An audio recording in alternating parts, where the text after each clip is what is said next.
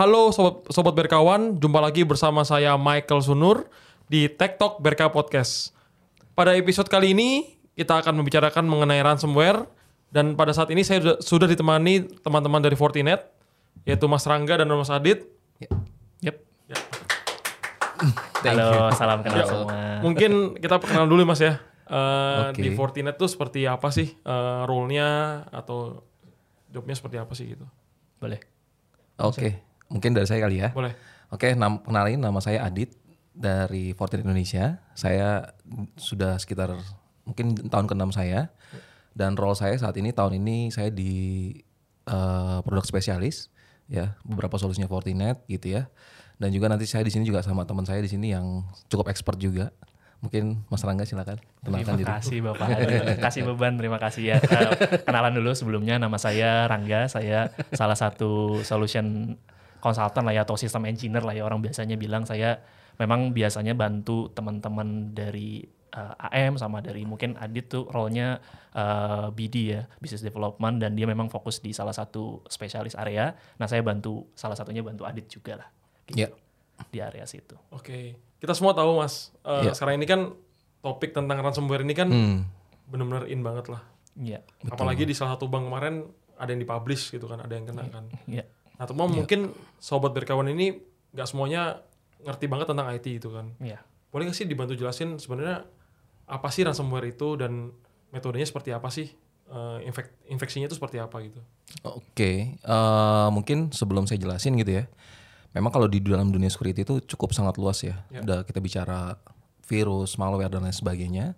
Termasuk yang sekarang lagi ngetren tuh kita bilang ransomware. Ya mungkin saya izin juga kepada senior-senior yang di luar sana mungkin yang dengerin podcast ini gitu ya. Tapi sepengetahuan saya eh, selama saya bekerja di dunia cyber security ya, itu memang ransomware merupakan sebuah metode di mana ya sebuah uh, atau seorang hacker atau tim atau even sekelompok dan lain sebagainya gitu ya itu melakukan uh, kita bisa bilang melakukan apa ya memasukkan sebuah quote unquote gitu ya applications yang tidak tidak seharusnya ada di situ kemudian melakukan bisa dibilang pemerasan lah ya semacam itu.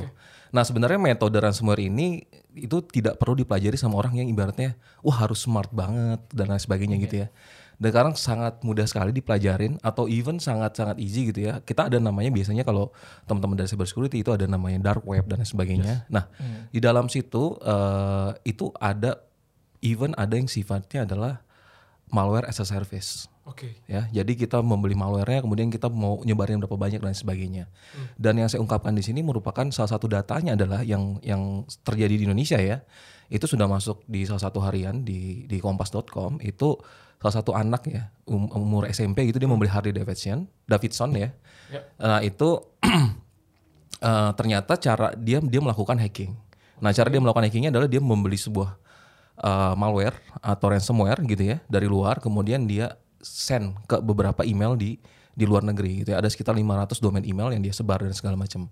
Dan itu dia dapat keuntungan kemudian dia bisa salah satunya adalah dia ketahuan gara-gara dia belanja Harley Davidson. Nah, itu itu yang menurut menurut saya juga uh, cukup apa ya? cukup memprihatinkan juga dan sekarang ya even orang tua kita sendiri mungkin uh, ibu saya mungkin uh, Pak Mas juga itu pasti juga ngalamin tuh sekarang pemerasan pemerasan WhatsApp WhatsApp kirim paket dan lain sebagainya. Dan ini yang sangat sangat berbahaya dan dan sudah menyerang sampai ke mungkin ke ring satunya kita lah. Nah ini yang harus mungkin yang menjadi kita bantu juga untuk edukasi juga. Bukan yang kita menggurui bukan maksud menggurui tapi kita untuk awareness. Ya awareness biar nanti semua teman-teman di sini yang pendengar BRK sobat berkawan juga mampu mengetahui gitu ya uh, dan menghindari hal-hal yang akan terjadi kayak mungkin kira-kira seperti itu ya Nah, Jadi bisa dibilang sekarang ini ransomware itu seperti kayak criminal act dong ya, kayak pencurian lah ibaratnya gitu ya. yes Sudah masuk salah satunya jadi aktivitas kriminal juga Iya, sih. Even kalau ada penelitian bilang itu katanya kerugiannya bisa lebih besar dari kerugian dari kejahatan narkoba gitu ya. Oke. Ya itu itu itu itu memang yang eh, sekarang IT itu bisa dibilang sebuah kalau kita bicara kelompatan teknologi Indonesia mungkin lompat 10 tahun 20 tahun ke depan nih saat ini gara-gara pandemi gitu ya. Sekarang kita mesen udah pakai QR code dan lain sebagainya. Nah, itu yang membuat membuat teman-teman dari hacker dan sebagainya mencoba-coba iseng aja. Yep. gitu ya. Nah ber- dari iseng-iseng ini dapat duit juga kan Iya. lama-lama iya. Kayak gitu dan ini yang sebenarnya kita mau coba bangun awarenessnya sih. Iya. Dan kita thank you banget udah diundang ke sini untuk sharing-sharing gitu.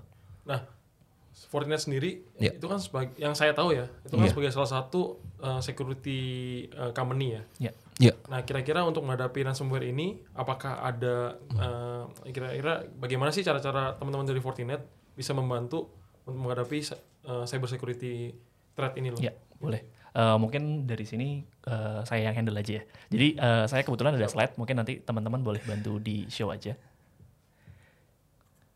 Oke. eh, Nah di di kita sendiri kenal namanya eh, pendekatan masalah namanya eh, Fortinet Security Fabric. Jadi kita punya namanya eh, Security Fabric. Nah itu pendekatannya seperti apa sih? Boleh di next mungkin eh, dua slide dari sini ya atau slide ketiga. Sorry boleh di next lagi.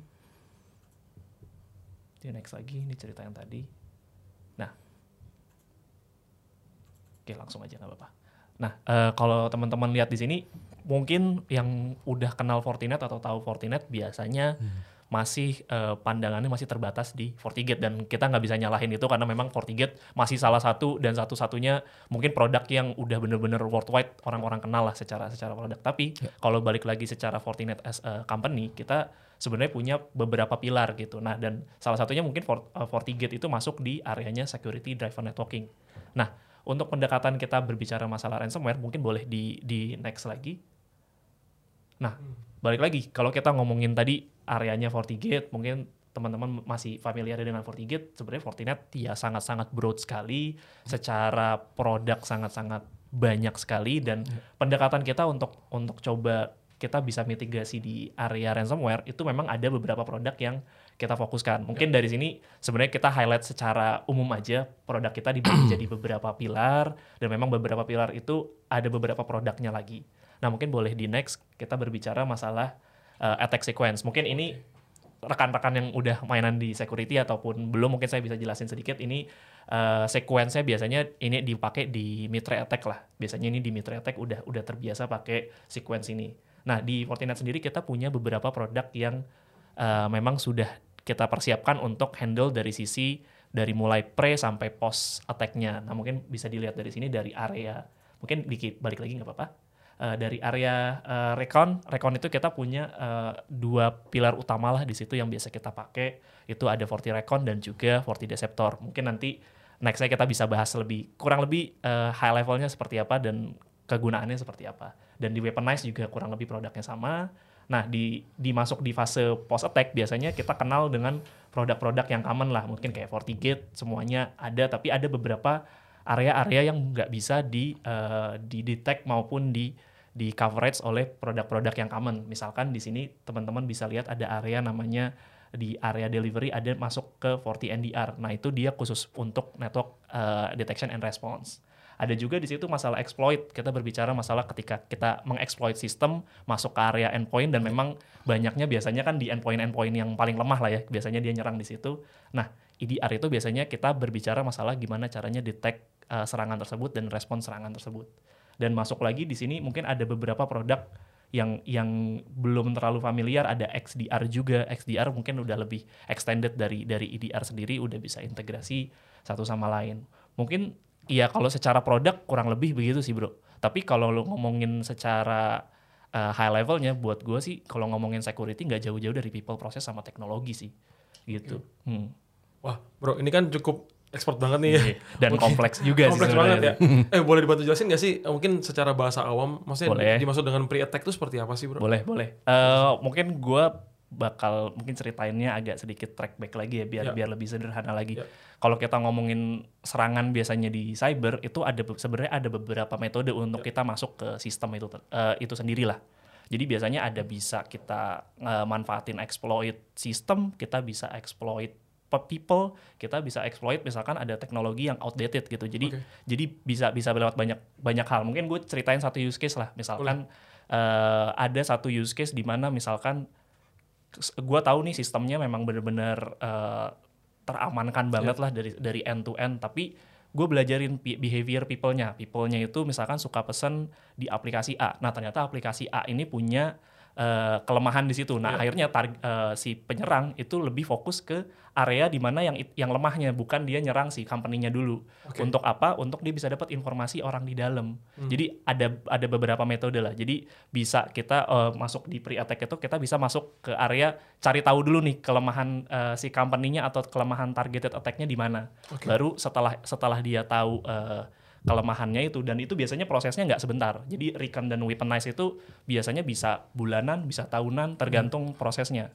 Mungkin kalau di Indonesia kayaknya lebih banyak yang sifatnya eh, random attack aja sih ya. Tapi Ya. kalau yang di luar-luar kayak yang ada case-nya mungkin lu pernah dengar yang masalah eh, tenaga nuklir sampai mati fan-nya. Nah, itu salah satu targeted attack juga dan Salah itu satu yang gue denger sih yang pipeline sih. Yang ah US. ya, US yang sampai meledak juga ya. Yang pipeline. Iya betul. Nah itu itu model-model targeted attack dan itu biasanya prosesnya panjang ya. Flow-nya untuk kita sampai ke action itu mungkin butuh.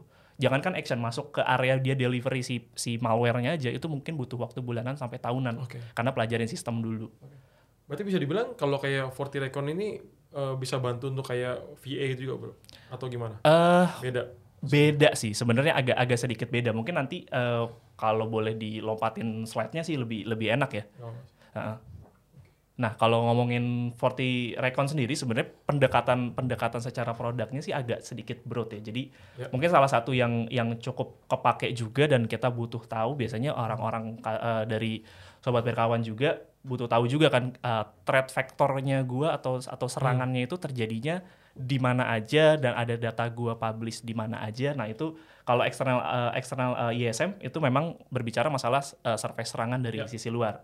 Nah, ada lagi kita berbicara masalah brand protection, gimana nanti misalkan ada ada data yang di leak, misalkan use case-nya di bank deh, di bank kan ada data pelanggan, Yes, ada yes. ada data kartu kredit, itu Yes. ada yang leak atau enggak, dan itu kita bisa dapat di Ah. areanya situ. Jadi memang eh, berbicaranya masih eh, areanya dia crawling data dari luar dan dia feedback informasi itu ke eh, nanti para customer atau sobat berkawan juga gitu yang menggunakan nanti produk eh, Forti Recon itu Recon, sendiri. Iya, kurang lebih gitu. Oke, kalau tadi kan itu kan salah satu contoh di pre-attack ya? Iya, betul, Nah, betul. kalau untuk di fase attack itu seperti apa sih, bro? Boleh. Bisa, maksudnya si Forti ini bisa bantu seperti apa sih? Iya, mungkin sebelum gua cerita itu mungkin gue cerita dari area attack-nya aja ya. Jadi kan Boleh. memang di biasanya dibagi jadi pre dan post karena biasanya pre itu activity-nya hanya monitor, hanya crawling data, ngumpulin informasi. Dan yang gue denger itu kayak silent lah ya. Dan itu benar-benar biasanya ya. eh, Nggak kelihatan sama sekali ya? nggak ada yang tahu karena memang biasanya aktivitinya dia either dia crawling dari eksternal atau dia eh, cari data internal dari tetap dari eksternal juga. Jadi Oh. jadi ag- agak sulit untuk dideteksi. Nah, makanya biasanya kita udah bisa detect itu di areanya eh, fase attack karena Attack. dia udah mulai Oke. mulai deliver eh, Mencoba lah, dia mencoba lah dia mencoba sisipin eh, paket ke ke data. Misalkan Iya. use case yang paling common di ransomware kemarin itu adalah nyisipin script di gambar karena gambar itu ternyata masih jadi salah satu faktor yang susah untuk didetek bahwa dalamnya ada Ada iya sisipan. iya dan ya banyak lah metodenya bisa pakai Stegano dan lain-lain lah nah ketika dia udah masuk fa- fase delivery biasanya memang banyak eh, sistem-sistem yang udah bisa ngedetect karena memang biasanya berbicara masalah signature base gitu dan kalau itu biasanya coba-coba trial and error itu biasanya lebih banyak kedetek di sini nah yang banyak gak kedetek itu memang yang modelnya targeted attack jadi dia ngetes ngetes ngetes ngetes nah kok yang ini lolos nih Once- itu lolos Ya. dia mulai pelajarin sistemnya untuk masukinnya lebih rapi lagi. Nah itu masuk di fase delivery. Dari delivery ke exploit juga biasanya nggak secepat itu juga karena dia biasanya lateral movement tuh dari Ya. dari dia masuk ke sistem yang paling lemah, dia pelajarin bagaimana cara komunikasinya. Makanya salah satu eh, di cara di company Indonesia yang yang yang masih dipakai itu memang masalah file sharing. Jadi file sharing itu di di di di endpointnya di di di close supaya nggak bisa berkomunikasi transfer data lah tapi tetap aja ada adalah metode metode metode lain untuk bisa berkomunikasi satu sama lain gitu. Nah, once memang udah bisa ngobrol, baru dia mulai exploit sama install si script yang dia udah simpen. Setelah itu fase terakhirnya biasanya ini fase yang paling krusial dia bisa nggak ngobrol balik lagi keluar karena ada beberapa case memang eh, environmentnya memang isolate gak bisa ngobrol keluar even even kita udah berhasil install di dalam gitu. Once memang udah berhasil ngobrol keluar dari server eh, CNC servernya juga udah berhasil ngobrol dengan endpoint yang ke-infected, biasanya mulai tuh jalan action untuk melakukan eh, execute eh, enkripsi. ya. Betul. Dan memang eh, sampai saat ini kayaknya satu dekade udah mulai satu dekade karena terakhir saya mulai dengar ransomware tuh 12 tiga 2012 13 Ya. dan sampai sekarang metode akhirnya selalu encrypt aja sih. Ya. Dia nggak nggak ada dia jarang lah jarang uh, ada metode lain selain mengencrypt data baru habis itu dia mulai uh, peras si korbannya sampai dapat gitu. Mana ada satu yang gua sadarin sih bro. Ah. Mungkin kalau zaman dulu Hmm. itu hanya sebatas malware Iya. dan dikirim orang klik encrypt. Iya betul. Kalau sekarang itu literally memang seperti yang tadi kita setuju sama di awal ya, itu Iya, adalah criminal act. Betul. Karena ada actor atau ada orang di Iya. belakang ini yang Iya. untuk men-trigger itu gitu. Iya, apalagi sekarang kalau bicara kayak company salah satu Lockbit, Lockbit itu ternyata udah bukan satu ak- aktornya udah bukan satu orang lagi, tapi satu Iya. company gitu, satu company. Jadi eh, kita lau antara company berantem dengan company lainnya gitu Dan dengan tujuan yang gue beda. sempat denger ya, maksudnya bahkan ada kayak semacam kayak apa ya benchmarknya gitu, Ya. atau kayak ada kita ada kayak gardenernya atau foresternya yang yang mau menggambarkan positioningnya si ini itu bener gak sih? Eh, itu lebih lebih kepada seberapa banyak serangannya berhasil Oh. dilakukan dan berapa banyak customer yang sudah berhasil di crawling datanya sih. Oh berarti Itu- bener ya ada ya? Ada, ada, ada, Oh, ada, ada. Data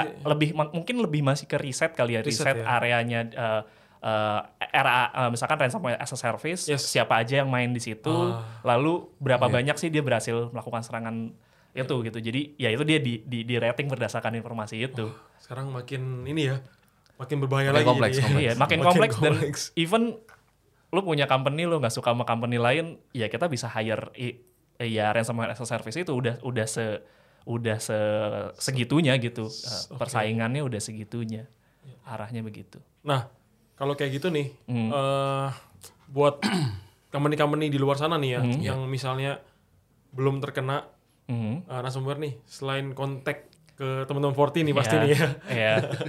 itu kira-kira apa sih yang bisa mulai dilakukan sejak dini gitu? Iya betul. Eh, balik lagi produk jasa produk sebagus-bagusnya produk kita tetap harus eh, consider ada tiga hal kan. Yes. Ada people, ada proses, ada teknologi. Oke. Teknologi yang Fortinet sajikan ini memang sa- salah satu bagian yang yang harus dimanfaatkan lah ya. Apa pun itu tadi yang saya sebutin sebelumnya ada EDR dan lain-lain. Tapi Iya. ada ada people dan proses juga dan ini yang salah satu dan biasanya yang paling sering kena itu memang di areanya people dan proses. Proses. Betul, karena teknologi dia udah punya, Pak kita udah punya, misalkan firewall, saya udah punya tiga tier, saya udah punya sandbox, saya udah punya antivirus, kenapa saya masih kena ransom? Pertanyaannya kan gitu. Ternyata problemnya usernya nontonlah di film web film gratis, yang ternyata di web film gratis itu nyed- ada ada malware di dalamnya yang bisa dikirim. Karena kalau eh, teman-teman tahu, eh, Lockbit itu salah satunya dia ransomware as a service yang sistemnya bagi hasil. Oke. Jadi misalkan gue punya website, website file sharing gratis. Nah itu bisa nanti taruh dong eh, ransom gue di website lu. Once ada yang kena bagi hasil 95 5%. Oke. Itu ada yang begitu. Dan itu case yang terakhir yang eh, kita eh, saya sempat ada ada ngelakuin kan datanya dirilis ke publish eh, jadi kita bisa ngecek data-datanya informasinya apa. Itu kalau dilihat sih ada data film yang kemungkinan itu dia ngambil dari website film gratis. Nah, people-nya itu kan sebenarnya ada kebutuhan untuk kita bisa training dia untuk edukasi lah at least apa yang harus dilakukan, data-data apa saja yang boleh dipublish, apa yang boleh diakses, tidak boleh diakses. Apalagi pakai PC-nya perusahaan gitu. Pasti kan ada batasan-batasan tertentu yang harusnya dipahamin sama orang. Nah, balik lagi, orangnya mungkin udah di well trained. Teknologinya udah bagus. Ternyata eh, prosesnya nggak jalan nih. Ada ada beberapa proses-proses perusahaan yang menyimpang gitu. Misalkan yang tadinya kita ada ngirim sebenarnya proses ngirim data misalkan data data bank gitu ya data, data transaksi harusnya lewat mana gitu. Misalkan kirim email dan hanya orang-orang tertentu yang boleh terima. Ternyata prosesnya yang yang eh, nyeleneng gini misalkan dia di print habis itu data printannya dikasih ke kompetitor itu kan berarti ada proses yang yang gapnya salah dan hilang juga gitu. Nah itu sih masalah tiga tiga hal itu semua sih. Dan memang di kita balik lagi event proses proses juga kita ada dan dan people-nya kita ada beberapa services yang bisa kita tawarin untuk misalkan training awareness masalah itu sih. Oh, berarti 40 itu selain nyediain teknologinya, Iya. juga ada tim services atau tim yang akan bisa bantu untuk evaluasi di proses sama di people-nya seperti Betul, itu. betul. Jadi ada ada ada Iya. dua lah yang bisa kita bantu. Jadi Ya. di di masalah di people kita kayak EDR itu kita ada masuk ke area namanya MDR, Manage uh, Detect and Oke. Response. Jadi ada juga people yang di- bekerja di di Fortinet untuk bantu. Misalkan kita nggak punya tim expert nih di di di customer atau misalkan di sobat berkawan kita pengen banget pakai EDR tapi ternyata nggak ada resource yang bisa kita pakai untuk monitor. Nah itu MDR bisa salah satu jadi solusi juga. Misalkan uh, ada use case juga misalkan kita secara teknologi, secara secara apa namanya, secara proses sudah jalan, tapi people-nya kita mesti di di train nih tiap hari. Nah, kita tuh ada ada juga yang sistemnya untuk training awareness nih, misalkan uh, atau misalkan uh, modelnya dia subscription base yang untuk misalkan kirim email spam. Bagaimana nih cara cara cara apa namanya uh, orang-orangnya di perusahaan itu bereaksi, misalkan apakah dia klik, apakah dia uh, dia validasi dulu linknya seperti apa. Nah itu itu ada ada services yang kita sajikan juga untuk begitu. Jadi untuk Oke. Ha-ha. jadi ada ada dari tiga hal itu sebenarnya kita bantu provide juga sih karena kita paham setiap orang tuh pasti ada kebutuhannya sendiri, pasti ada kekurangannya sendiri. Kita coba bantu fill the gap juga sih, gitu. Wah, berarti di Fort itu udah cukup lengkap juga ya. Maksudnya untuk dan cukup serius untuk nanganin Iya. cyber security threat ini ya berarti ya. Baik lagi sih ya, kita pendekatannya sih emang ke platform sih. Ya. Jadi yang kita tawarkan bukan hanya sekedar produk, tapi memang platform tadi. Sehingga tadi kompleksitas yang tadi Mas Rangga udah ceritain tuh yang segitu jelimet ya mungkin nggak akan cukup kita tawarin di sini, yang kita sediakan di sini. Dengan platform pendekatannya platform itu akan menjadi mungkin akan sedikit menjawab lah, menjawab sebenarnya oh ternyata bisa ya kita bantu sedikit sedikit demi sedikit. Itu sih kuncinya. Oke.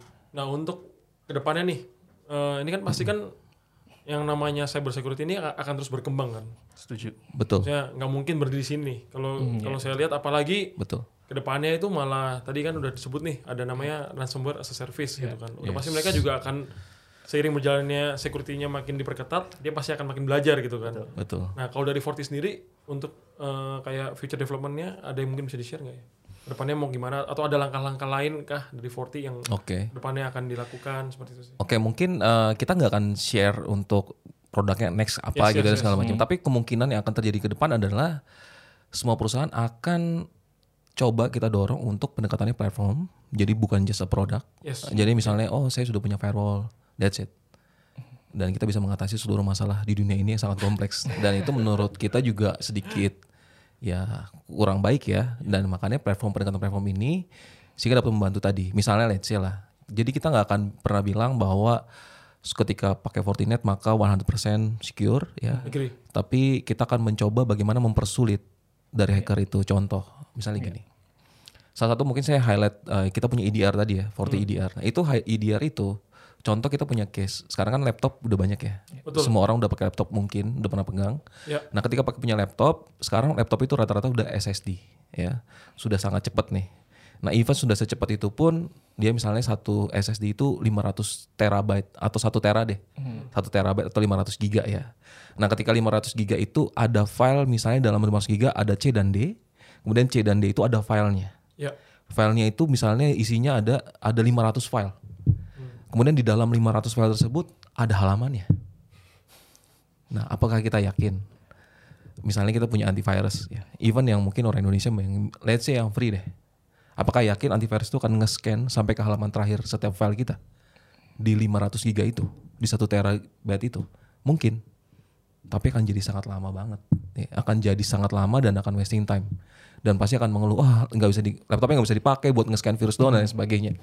Nah, makanya ke depan itu menurut saya akan tren adalah gimana pendekatan-pendekatan teknologi yang memudahkan masyarakat. Oke. Jadi uh, platform pendekatan platformnya itu Fortinet itu akan mencoba bermain ke situ. Kita punya EDR yang misalnya yang signatureless, Iya. yang even nggak perlu update. Mungkin dari sini nanti habis ini saya pergi keluar kota 3 bulan 6 bulan, saya nggak kena internet misalnya di pedalaman di sana, nah itu is okay, tetap kelindungin kayak gitu. Nah jadi bagaimana pendekatan ke depan, feature-feature development itu nanti yang memudahkan masyarakat yang si- sistemnya lebih otomasi, otomasi lagi. Gitu karena sekarang Indonesia itu dibilang adalah salah satu country yang mungkin seakan-akan penyerangnya paling banyak gitu ya. Ya. Padahal setelah, setelah didalamin, dalamin ternyata pemakai bajakan paling banyak. Nah itu makanya dari situ kan dikira, oh ini ternyata ada botnya. Jadi setiap eh, bajakan dan segala macam ada botnya. Ya. Sehingga bot itu dipakai untuk menjadi resource untuk menyerang, melakukan DDoS dan sebagainya. Dan ini yang kita mau coba bantu. Kita tahu bahwa ini tidak mudah. Ini bukan sekedar membalikan telapak tangan, Ya. tapi ini merupakan pendekatan yang baik dan ke depannya dan kita akan mencoba membawa platform ini menjadi platform yang uh, at least bisa ngebantu ya nggak nggak nggak cuma sekedar kita jual produk aja Iya, bukan tapi kita juga mau ngebantu nih jadi kita akan membantu dan kita tidak akan begitu aja pergi dan habis jual produk dan kita pergi gitu ya mungkin itu Mas Rangga Waduh, tolong Ya, dong. Jadi intinya sih pendekatannya seperti itu sih ke depannya dan kita akan coba ini yang otomasi mempermudah Ya, ya. dan pendekatan adalah platform dan itu yang mungkin ke depan yang akan uh, kita akan coba lari ke sana gitu ya. Oke. Ya. Nah mungkin ini eh, classical question ya dari saya. ya. Oke. Dan mungkin udah mungkin udah beberapa ada udah ada jawabannya di depan-depan nih. Oke. Tapi tetap kayak saya harus tanyain nih. Oke. Oke, kenapa eh, sobat-sobat sobat berkawan ini harus Hmm. memilih Fortinet Indonesia untuk menghadapi cyber security threat? Oke, mungkin Mas Rangga dulu deh. Wah, terima kasih. Ntar baru saya terakhir. Iya, boleh. Iya, eh, tadi udah eh, Adit udah sempat sampaikan juga dan menurut saya udah udah cukup oke. Tapi memang arah arahnya bukan cuma Fortinet secara company aja, tapi mungkin kalau eh, ada teman-teman yang memang langganan Gartner, salah satu hal yang di highlight sama Gartner itu ada satu pendekatan namanya cyber security mesh. Nah itu Oke. itu mungkin eh, kalau yang udah cukup familiar eh, itu namanya cyber security mesh. Jadi tujuannya adalah setiap teknologi yang ada di perusahaan atau di nanti punyanya sobat berkawan itu bisa terintegrasi satu sama lain dan bisa ngobrol satu sama lain dengan di di tengahnya ada di, di tengahnya ada artificial intelligence yang bisa melakukan uh, automation. Jadi arahnya ke depan itu memang harus bisa ter- terkomunikasi satu solusi dengan solusi yang lain. Itu sama persis dengan tadi yang saya sampaikan juga di awal masalah Fortinet Security Fabric di mana mungkin kalau ada yang lihat di pojok kanan itu ada namanya open ecosystem. Nah, kita Oke. bukan cuma tadi produk-produk kita aja yang berdiri sendiri harus ada produknya. Semuanya produk harus produk Fortinet. Apakah iya, apakah harus? Kalau buat saya harus-harus saja lumayan kan masuk PO. Tapi Mungkin bukan tadi ada di slide juga ya? ada di slide juga. Coba Mungkin di- boleh kalau ambilin di di awal tadi Yang ada di gambar yang bola bulat, ya? yang gambar bola Oke. betul. Ya. Nah, di situ kan ada open Ini ya? ecosystem. Iya, jadi arahnya Fortinet itu bukan cuma berbicara masalah ya udah internal ekosistem kita aja yang berjalan yang yang harus dipunyai sama customer, tapi kita juga sebisa mungkin harus bisa berbicara dengan third party ekosistem misalkan Iya. kayak CM, kayak misalkan cloud arsitektur. Nah, itu kita harus bisa ngobrol satu sama lain untuk tujuan apa? Untuk tadi mencapai uh, mesh arsitek arsitektur tadi. Gitu sih. Mungkin menurut menurut gua kenapa kenapa Fortinet itu bisa jadi salah satu leading di di cyber security Yes. company mungkin karena se- selain produknya yang cukup komprehensif, kita juga sebisa mungkin berusaha untuk bisa terintegrasi satu sama lain. Gitu. Mungkin Adit ada yang mau ditambah? Oke. eh kenapa ya? selain Mas Adit Iya. karena kerja Kenapa? di Kenapa? ya? Iya. Selain kenapa harus kan ya? Iya.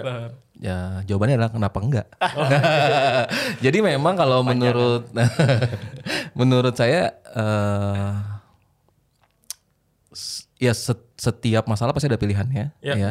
Setiap vendor pasti ada pilihannya dan kenapa milih Forti ya salah satunya mungkin di Indonesia kita salah satu company security company yang cukup besar. Yes. Kita di sekitar ada sekitar ada 30 orang lebih ya. 50-an, mohon maaf. 50. Ya, mohon maaf Hampir 50. hampir 50 orang dan salah satu vendor security terbesar juga di Indonesia yang company apa uh, apa uh, membernya atau pegawainya paling banyak ya di Indonesia. Dan itu kenapa kita nambah segitu banyak? Mungkin salah satu salah satunya adalah karena kita mau coba support customer. Oke. nah jadi salah satunya adalah kita mau bangun trust bangun bangun bangun support ke customer sehingga customer nyaman sama kita. Dan ya kenapa kenapa enggak gitu? Dan kar- karena kita bisa bikin nyaman semua teman-teman berkawan di sini. Nah, kita udah sampai di ujung acara nih, Mas. Iya. Oke, buat sob- teman-teman sobat berkawan, eh, salah satu kesimpulan yang bisa saya ambil dari podcast ini yaitu eh, Fortinet sendiri itu adalah salah satu company yang memiliki cyber security mesh yang cukup lengkap dan eh, menyediakan mulai dari eh, pre-attack sampai post-attack. Mungkin detailnya bisa dilihat juga di layar gitu kan ya. Eh, juga buat eh, sobat berkawan yang mungkin customer-customernya itu belum ada eh, yang bisa membantu untuk people dan proses juga bisa kontak juga ke teman-teman Fortinet Indonesia. Dan mungkin juga yang mau tahu lebih lanjut eh, mengenai produk-produk yang ada di Forti itu seperti apa atau meng- mau tahu lebih detail lagi mengenai Forti seperti apa, mungkin bisa di scan di sini atau diklik di sini ya. oke Oke, eh, thank you Mas Adit Sama-sama, Thank you Mas thank you. Rangga Thank you udah datang di tempatnya kita you di tempat Thank yang you, sederhana you. ini. Ya. Enggak sih. Oke, akhir kata buat eh, sobat sobat berkawan, jangan lupa komen, like, share, and subscribe. Sampai jumpa di kesempatan yang akan datang. Terima kasih. Terima Thank kasih, you. thank you semuanya. Bye.